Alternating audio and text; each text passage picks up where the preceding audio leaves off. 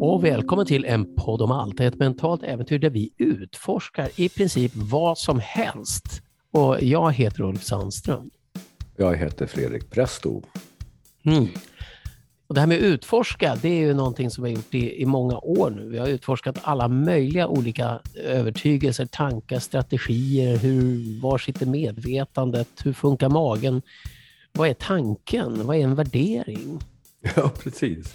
Eh, det har blivit väldigt mycket. Och det, vi har ju också mm, skrivit den här boken, då, Unpack Your Existence, utifrån det med ett antal hypnotiska kapitel. 34 eh, hypnotiska kapitel ja, och 86 eh, utforskningstekniker. Precis, och utforskningsteknikerna det är så här grejer man kan göra i olika situationer. Och det var det vi tänkte dela med dig idag som lyssnar på den här podden. Så idag tänkte vi dela två tekniker som kommer från två kloka kvinnor som har varit med och gjort den här resan med 34 hypnotiska undersökningar. Vi säger, en av dem dök upp under, alltså en av deras strategier dök upp under meditation eller hypnoserna och en av dem hade vi faktiskt sedan innan, men de är listiga. Ja, så då har vi den ena den här tekniken då, det är en som heter eh, Karin Bolin Hogen. Så när man frågar, vi har så här check-in på morgonen liksom och frågar, alla får säga hur det är. Och då säger, säger hon, ja det är mycket som är bra, säger hon. Och det var en Precis. ganska smart grej, för det, det, oftast är det ju det. det. Och det är så himla lätt att vi fokuserar på det som inte är bra. Liksom. Och nej, gör... Ja, folk säger jo vars. Liksom. Ja, jo vars. Ja. Knallar och går. Nej, det är väl okej. Okay. Och, och, när man säger nej, det är väl okej. Okay. Ja, men har du hört den här? Det är jämna plågor. Ja, jämna plågor. Det är inte sådär, det är inte så ultrapeppigt. Liksom. Ja, det är jämna plågor. Alla letar efter, och vilka är mina jämna plågor? Eller hur?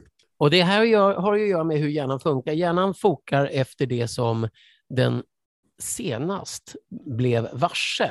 Så att eh, om, om det kommer in en mygga i ett tält så kommer man att fokusera på ljudet efter nästa mygga. Liksom. Och mm. Går man på stan och har för första gången i sitt liv tänkt att ja, men jag kanske borde ha en ny cykel, så plötsligt ser man cyklar överallt. Mm. Ja, eh, och funderar på vad det är för, som är bra eller dåligt med dem. Så att när vi säger någonting så riktar vi uppmärksamheten och det är det som är den inre hypnotisören. Och det är där man borde då kliva in och rikta uppmärksamheten till sånt som är bra. Ja, precis. Och det innebär ju inte att man eh, liksom blundar för eh, problem och sådana saker. Utan, för det ibland är det saker man ska göra någonting åt. Liksom. Och ibland är det saker man kan göra någonting åt och det är en sak. Ja. Men att sen bara fokusera på, som du säger med inre hypnotisören, då, då är det, det är väldigt lätt att man fokuserar på det man inte vill. Jag vill inte att det här ska hända eller jag vill inte att det ska bli så här. Och då skapar ju det hos de flesta av oss bilder av det vi inte vill uppnå och de är ofta skrämmande eller jobbiga eller oroande.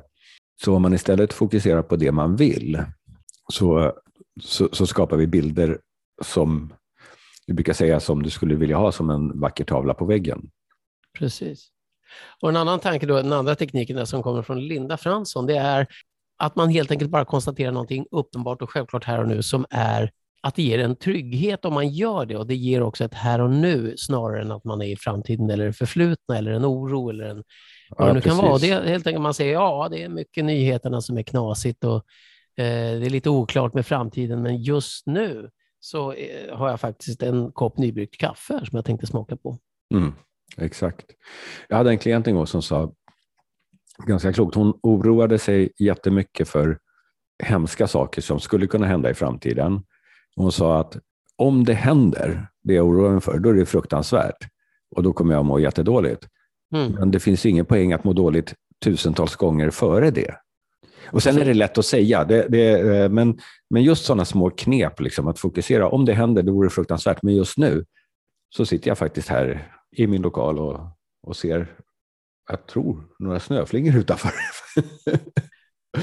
fönstret. Ja.